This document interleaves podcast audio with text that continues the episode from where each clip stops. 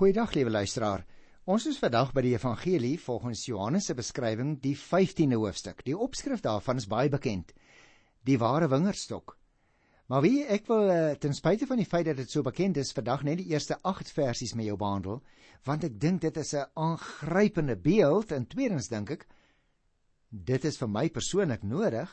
Ek weet nie van jou nie, maar ek het so vermoed. Ter inleiding sou ek miskien net dit wou sê. Die Here Jesus Christus is natuurlik die wingerdstok in hierdie verhaal en sy Vader die boer wat sorg dat die ranke vrug dra. Die ranke in die vergelyking is die gelowige navolgers en die vrug die sigbaar bewys dat iemand 'n navolger van die Here Jesus is. En uit die nou geloofsverbondenheid wat die Here Jesus hier teken en wat ons met hom moet moet hê, daaruit kom die vrug juis voort. Dit is dus 'n lewe van liefde in die sending deur God. Die beeldspraak tussen hakies aangaande die wingerdstok beklemtoon natuurlik vir ons dat vrugbaarheid in die Christelike lewe spruit uit 'n bly in Christus. Al gaan Here Jesus ook weg op hierdie stadium wat beskrywe word in Johannes 14, die eenheid met sy disippels gaan behoue bly. Die wingerd is dus 'n bekende beeld. Hulle het dit geken uit die Ou Testament. Waar dit natuurlik elke keer na die gelowige volk verwys het. Die wingerdstok was terselfdertyd 'n baie vrugbare plant. Hier staan: Ek is die ware wingerdstok en my Vader is die boer. Dis een van daardie sewe baie belangrike ek is uitsprake waaraan ek jou herinner het. En nou stel Here Jesus homself nie net voor as 'n wingerdstok nie. Hy stel homself as die baie vrugbare wingerdstok voor, aangesien 'n enkele loot baie vrugte kan dra. In die Ou Testamentiese tyd, moet ons onthou, is Israel dikwels dan onder die beeld van 'n wingerdstok voorgestel, ek het dit net nou ook gesê. Ehm um, en die Here het gehoop dat hulle 'n vrugbare wingerdstok sou wees. Gaan kyk maar daar in Psalm 80 vers 9 of Jesaja 5 byvoorbeeld wat ook die beeld gebruik word van hulle is die wingerdstok en die Vader versorg hulle maar hulle dra nie die vrugte wat hy graag wou sien nie. Net nog 'n interessante dingetjie luisteraars, druiwe was weer met die Paasmaaltyd simbool van God se goedheid teenoor sy kinders. En nou maak die Here Jesus hierdie wat sal ek dit noem selfbekendmakende uitspraak om te sê wie hy is. Ek is nie net 'n wingerdstok nie, ek is die ware wingerdstok en my Vader is die boer. Nou die woordjie eh, wat hier vertaal is met boer of landbouer as jy wil, kon natuurlik nie in hierdie vertaling gebruik word nie omdat dit herinner aan mense wat op die gebied van die landbou studeer. Die klem val hier op die wingerd of op die druiweboer. Vers 2 sê: Elke loot aan my wat nie vrugte dra nie, sny hy af, maar elkeen wat vrugte dra, snoei hy reg sodat dit nog meer vrugte kan dra. Jy sien dit beklemtoon dus die vrugdra gedagte en dat 'n snoeiproses nodig is om die onproduktiewe groei te probeer voorkom. Ook die dooie hout word by so 'n geleentheid natuurlik uitgesny. Die ouens in die Boland sal hierdie beeld baie goed verstaan. Vers 3. Julle is alreeds reg gesnoei deur die woorde wat ek vir julle gesê het. Die disippels is soos vrugdraande lote wat al reeds deur die Here onderrig is, wat om die beeld te gebruik, wat al reeds reg gesnoei is. En nou sê by vers 4 en 5: Julle moet in my bly en ek in julle. 'n Loot kan nie uit sy eie vrugte dra as hy nie aan die wingerdstok bly nie en so julle ook nie as julle my nie bly nie. Ek is die wingerdstok, julle die lote. Wie in my bly en ek in hom, dra baie vrugte, want sonder my kan julle niks doen nie. Ag, luisteraars, natuurlik. Vrugbaarheid berus in die geestelike verhouding in ons verhouding met die Here op 'n wederwysige inwoning. Geen geestelike groei of vrug dra is moontlik los van die wingerdstok Jesus nie.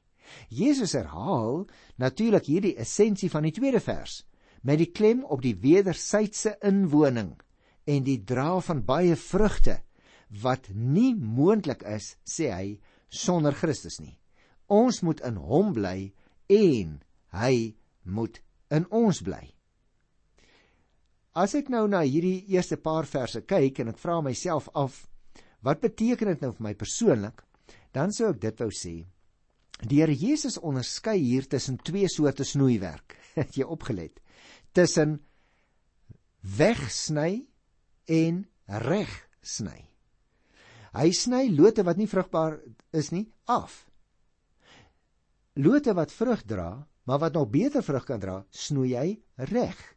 En dit is nie vir een van ons lekker in ons lewe nie, né? As iemand ons kom teregwys of as die Here sy skers so 'n bietjie inlê sodat ons nog meer vrug kan dra. Dis eers as ons terugkyk op daai snoeiproses wat nie vir ons lekker is nie dat ons kan sê, maar ek besef nou die Here het uh, swaar kry oor my laat kom of hy het my onder druk geplaas. Hy was eintlik besig om my reg te snoei. Daar is dus twee soorte snoei in die teks, lyk dit vir my, regsnoei en wegsnoei. Maar jy opgelet luister, daar is ook twee soorte lote. Daar is lote wat vrug dra en daar's lote wat nie vrug dra nie. Die een soort sny hy af. Die ander soort koester hy. Hy snoei hulle reg sodat hulle nog meer vrug kan dra. Dit beteken dus, lyk dit vir my, dat in ons verhouding met die Here dit nodig is dat hy ons dissiplineer. Maar dan moet ons in hom bly. Want hy wil in ons bly. Hoe bly hy in ons? Natuurlik deur sy gees. En broer en suster, dit is nie die probleem dat die Here in ons wil bly nie. Jesus het dan gekom, hy het dan betaal. Hy het dan sy gees gegee om in ons te woon. So dit is nie die probleem vir ons geestelike droogland wat ons so dikwels belewe nie. God is mos getrou, hy bly in ons deur sy gees. Maar die tweede, bly in my. Dis waar die probleem lê. Hy bly in ons, hy is getrou. Maar bly ons altyd in hom? En sien daarom moet 'n mens van tyd tot tyd weer terugkom na die Here toe. Moet jy weer sê Here, ek weet ek is u kind, maar daar's 'n nuwe oomblik van nuwe toewyding. 'n Oomblik van nuwe oorgawe. Is dit nie dalk vir jou nodig nie, liewe luisteraar? Miskien selfs as jy in jou motor ry. En al jou aandag kan nou nie by ons program bepaal wees nie maar dalk raak jy deur die Heilige Gees oortuig dat jy ver van die Here af is. Dat jy in hom glo dat hy nog steeds in jou bly, anders sal jy nie bekommerd wees oor jou geestelike lewe nie. Daarom wil ek op grond van die woord in nederigheid vir jou vra, maar bly jy in die Here? Is jy getrou? Want jy sien daar is 'n interpersoonlike verbondenheid tussen ons en die Here Jesus. As ons vrug wil dra, dan moet ons in hom bly. Daarom staan daar baie duidelik in die 5de vers: Wie in my bly en ek in hom, dra baie vrugte. Want sonder my kan julle niks doen nie. Jy onthou nog luister dat ons uh, Johannes gedoen het by die 8ste hoofstuk vers 36. Het daar gestaan en ek het gekom sodat julle die lewe kan hê en dit in oorvloed. Moenie langer tevrede wees met so 'n maar skaap lewe nie. Moenie langer tevrede wees met 'n lewe waarin daar nie vrug aan jou ranke is nie. Bly ingeplant in die ware wingerdstok Jesus Christus. Kom terug na hom toe vandag. Ek roep jou op in sy naam en die woord van die Here roep my op in sy naam. Kom terug in jou ingeplantheid in die Here. Ek gaan net nou nog weer daaroor gesels as ek klaar is met die perikoop. Kom ons kyk eers na vers 6. As iemand in my nie bly nie, word hy weggegooi soos 'n loot en hy verdroog. Die mense maak sulke lote bymekaar en gooi dit in die vuur en dit verbrand. Jy sien, hier word vertel hoe daar gewerk word met iemand wat nie in die Here bly nie, wat uiteindelik afgesny word, in die vuur gegooi word en verbrand word. Dis geweldige sterk beelde wat die Here Jesus hier gebruik wanneer 'n disipel sy gebondenheid aan Jesus verbreek, kan hy net vir vuurmaakhout gebruik word. Vers 7 sê: As julle in my bly en my woorde in julle, jy sien luister word 'n paar keer herhaal. As julle in my bly en my woorde in julle, vra dan net wat julle wil hê en julle sal dit kry. Jy sien, vanaf die gedagte van vrug dra in die algemeen, beweeg die Here Jesus nou na gebed toe.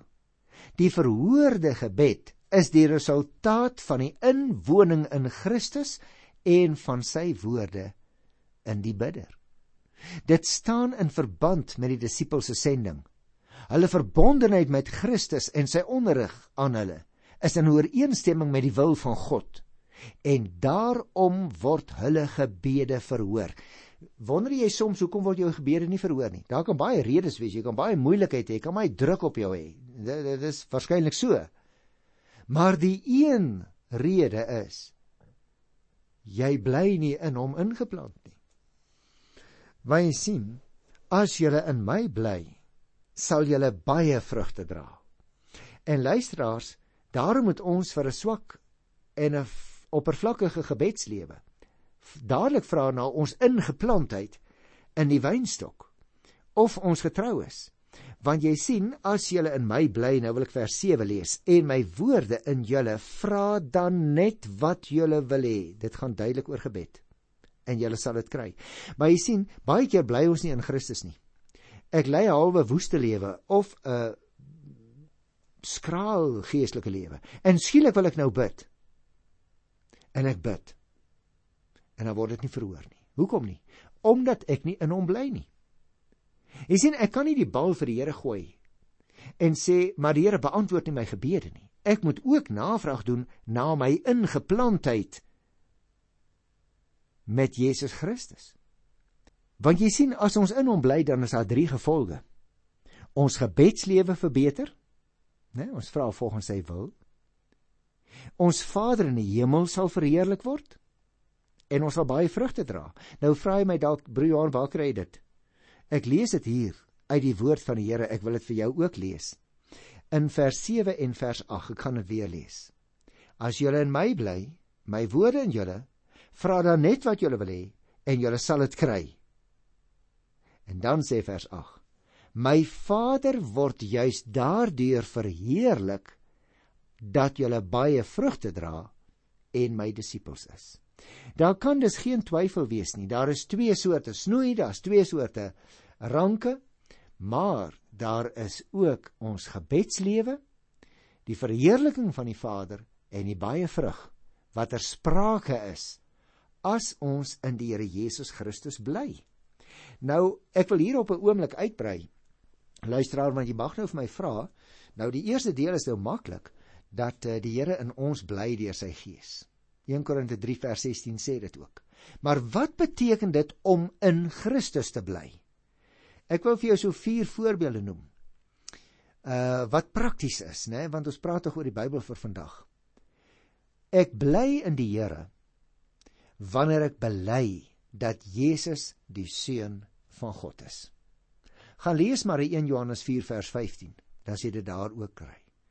Want uh as ons in hom bly, dan erken en dan bely ons die seun. 'n Tweede ding, ons bly in hom wanneer ons Jesus as verlosser ken. Johannes 1 vers 12 sê dit baie duidelik, né? Ehm um, hy het ons die mag gegee om 'n kind van God genoem te word. Wanneer?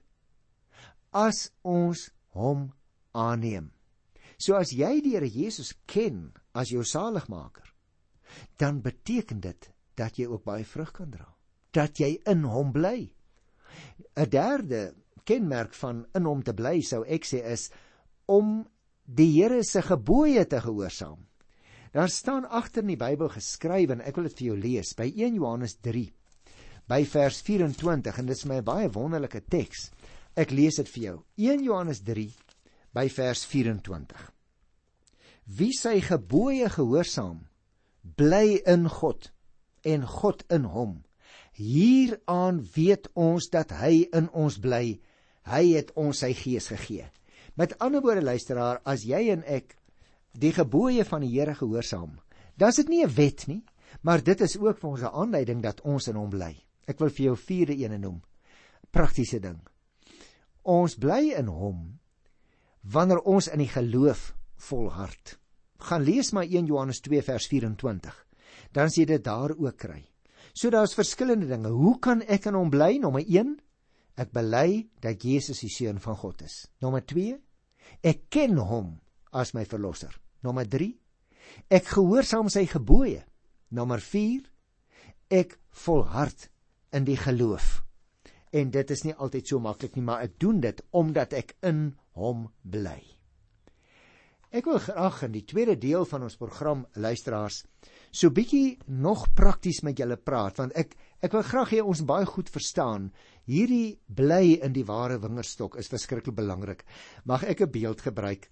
Ehm um, toe ek nog jonk was, nou ja, dit is nou in die vorige eeu, maar toe ek nog klein was, het ek vasgeglo dat daar klein mannetjies was in ons groot radio. Kyk toe te mense mens nog nie televisie en sulke dinge gehad nie. En ek het altyd toe ek 'n klein seentjie was, ek onthou dit nou nog voor die groot ou radio gesit. Hy was altyd so helder nie, dan moes jy jou oor naby die luidspreker gesit het. En dan veral as ek na kyk na daai oogie wat so gegloei het en dan verloor hy weer 'n bietjie uh, sy sy sy glans en dan gloei hy weer. Uh dat ek gedink daar binne in die radio is is 'n paar klein mannetjies. Want hoe anderster kan ek nou musiek hoor? Dan moet iemand wees wat 'n gitaar speel en iemand wat op die dromme slaan. Party van hulle is seker nuuslesers, ander is sangers, ander is kommentators en niemand, maar soos van niemand sou my van die teendeel oortuig nie. Om die waarheid te sê, luisteraars, my vermoede is nogal bevestig toe ek eendag die radio omgedraai het. En ek sien hier agter is sulke die ou mense, ek weet nie wat jy uiteindelik noem nie, die ou mense het dit genoem die valves of die tubes van die radio's, daai groot ou radio's, né? En ek het daaraan so bietjie gewerk op 'n ongeluk kap ek toe die ene stuk in. En skielik wou die radio nie praat nie. Ek het gedink miskien is dit nou net die laaste oorblyfsels van een van daai mannetjies wat uit die gloeilamp geval het. Nou vandag weet ek al so 'n bietjie beter, ek verstaan nog nie die proses nie. Maar ek weet daar was nie mannetjies in die radio nie.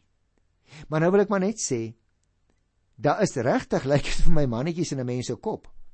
Of dalk is hulle in jou hart of in jou borskas, ek weet nie eintlik nie. Maar dit maak nie eintlik saak nie wat ek weet uh is daar iets of iemand die binnekant is want die Bybel gee selfs sommige van hulle name kan ek vir jou van die Bybelse name noem van hierdie mannetjies in ons lewens en in ons harte hebsug gierigheid vloek baklei 'n paar ander kom ook nog via ons sensors van buite af in hè materialisme rasisme sportverslaafdheid in Suid-Afrika. Nou, die ou Griekse filosoof Sokrates sou gesê het, hulle is almal eintlik nou soos gevangenes hier in die kerker van my lyf. En die enigste kontak wat hierdie mannetjies na na die buitewêreld het, is om deur die tralievensters van ons oë buitentoe te loer. Nou is daar natuurlik twee probleme met die klomp. Die een is dat hulle vreeslik selfgeldend is. Elkeen staan op sy regte Hy gee nie regtig toe aan die ander nie. Die tweede probleem is dat hulle baie hierdie mannetjies in ons harte baie gou-gou opgewerk word deur die impulse wat hulle van die buitewêreld afkry. En dan jaag hulle vir jou of vir my rond, hierdie materialisme, rasisme, hierdie goed. Nou in ons tyd luisteraars sal ons sê, ag ek voel nou maar so, ek voel lus om iets te besit, ek voel lus vir dit of vir dat. Nou dis geen mannetjies nie. Dis 'n klomp selwe in ons elke een wat so sukkel, sê een van die sielkundiges my nou die dag. Daar's niks om oor ontsteld te raak nie. As jy ook hierdie goed in jou binneste het wat jou so rondjaag, jy hoef nie daaroor ontstel te wees nie. Maar jy moet net nie daarmee vrede maak nie. Want jy sien, hierdie wat ons vandag uit die Here se woord behandel het, is baie belangrik. Daar is natuurlik positiewe mannetjies ook. 'n naweek in die oop wye veld daar buitekant in die natuur, dit kalmeer hierdie mannetjies. Dit het 'n positiewe uitwerking op my persoonlik ook. Skynbaar kan hulle nie juis vrugbaar wees as hulle deur ander kragte oorheers word nie.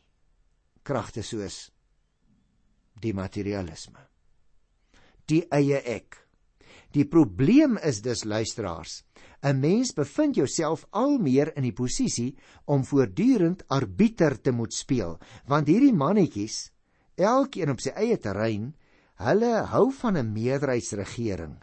Niemand van hulle wil onderdanig wees nie, maar elkeen van hulle wil vir homself laat geld. Hy wil die een wees wat in beheer is van die ander mannetjies.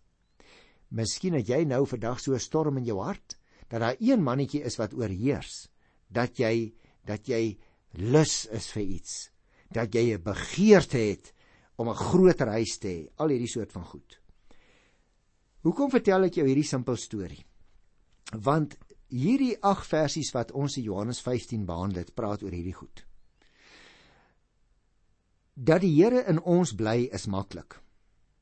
Want die Here Jesus doen dit deur sy Gees.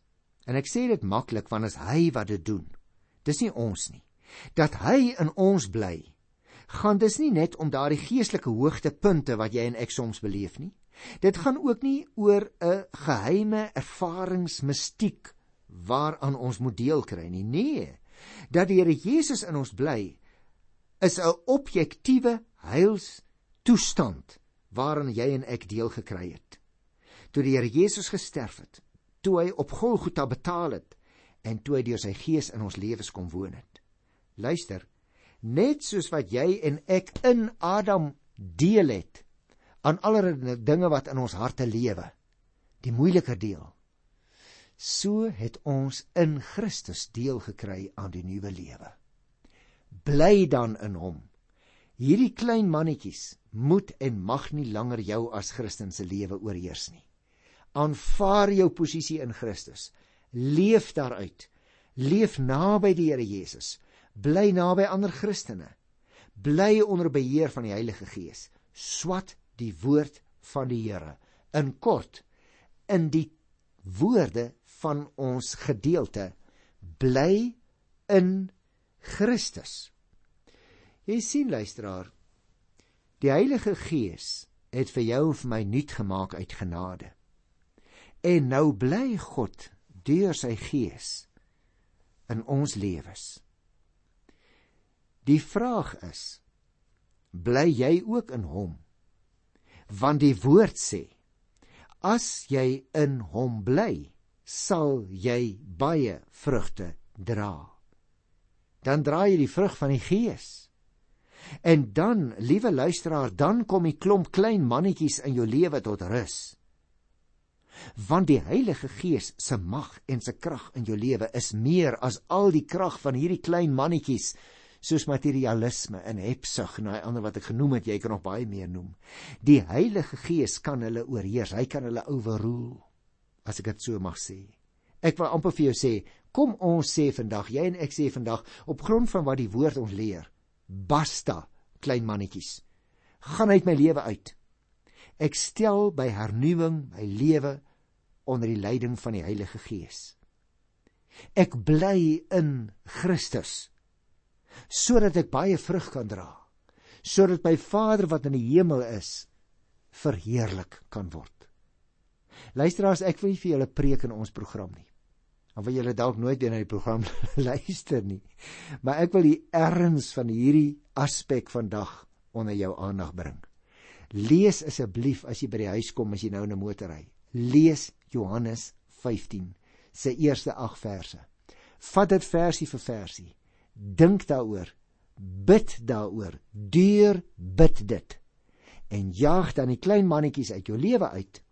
Bly in Christus, stel jouself onder die beheer van die Heilige Gees en wie wat beloof die gedeelte? Dan sal jy baie vrugte dra. En vers 8 sê: Ons Vader wat in die hemel woon, word juis daardeur verheerlik as ons baie vrugte dra en Jesus se disippels is. Ek groet jou in sy wonderlike naam tot volgende keer. Tot dan. Totsiens.